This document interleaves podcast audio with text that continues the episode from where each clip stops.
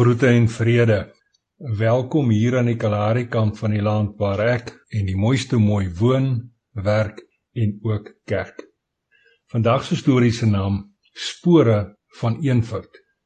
Die eerste gedeelte in die Nuwe Lewende Vertaling van Johannes 15 se 4de versie sê: Julle moet aan my verbonde bly soos ek aan julle. Met 'n oorloop hart staan ek een laatoggend op die voorstoep van die huis en geniet die vogtigheid in die lug na 'n welkome reënby. Vars en vlak lê die raasligte en die harde ekko sla wat oor die uitgestrekte vlaktes reisies gehardloop het in ons ore en in ons oë. daarmee saam die soet hemelwater wat in ronde vet druppels geval het tower die plat Kalahari vlak op in 'n see vol menigte waterplasse. En terwyl ek daar staan, dink ek aan die kommervry kind wees daar en veral hoe ek met reentyd ook maar onder dak moes bly. Ek onthou en ervaar weer die saligheid van die lekkerte om kaalvoet in die modderplasse te speel. ek was geseënd voorwaar. En dan sien ek ou Silet met haar bekende waggel waggel stappie van ver af op die grondpad aankom. Sy wat oornag van niemand in iemand verander het na haar man Jan se ontydige dood voor laaste jaar. Nou pak ou Silet maar die lewe op haar eie Kalahari manier aan. Dis nou sonder haas en sonder spoed. Rustig staan ek en wag dat sy nader waggel en groet dan vriendelik. Haar oë probeer deur die brillense fokus, maar ek staan so bietjie verder as wat sy kan sien.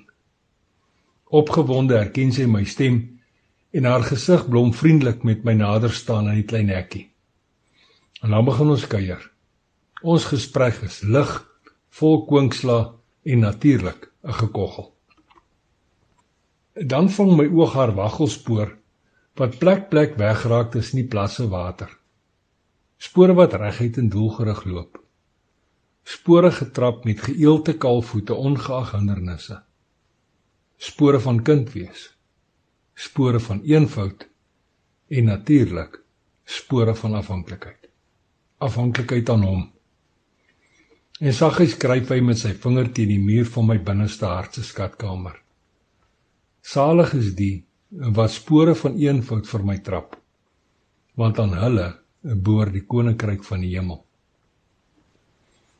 'n Week of wat later staan ek weer so teen die middagse tyd op die voorstoep van die huis en drink 'n ou koffietjie. Ek sien weer ou Silet se kaalvoetspore in die songebakte modder kort buitekant ons hekkie. Spore van eenvoud. Spore van kind wees. Spore van afhanklik wees. Afhanklik aan hom. Reguit en doelgerigte spore wat nie 'n dag of wat later heel vergete en verbaai is nie. En diep in my weet ek dat ek solank ek leef, ek ook sulke onthouspore wil los oral waar ek gaan. En as ek sulke spore wil los, moet ek net in sy spoor loop. Dis nou die kerelkind van God se spoor.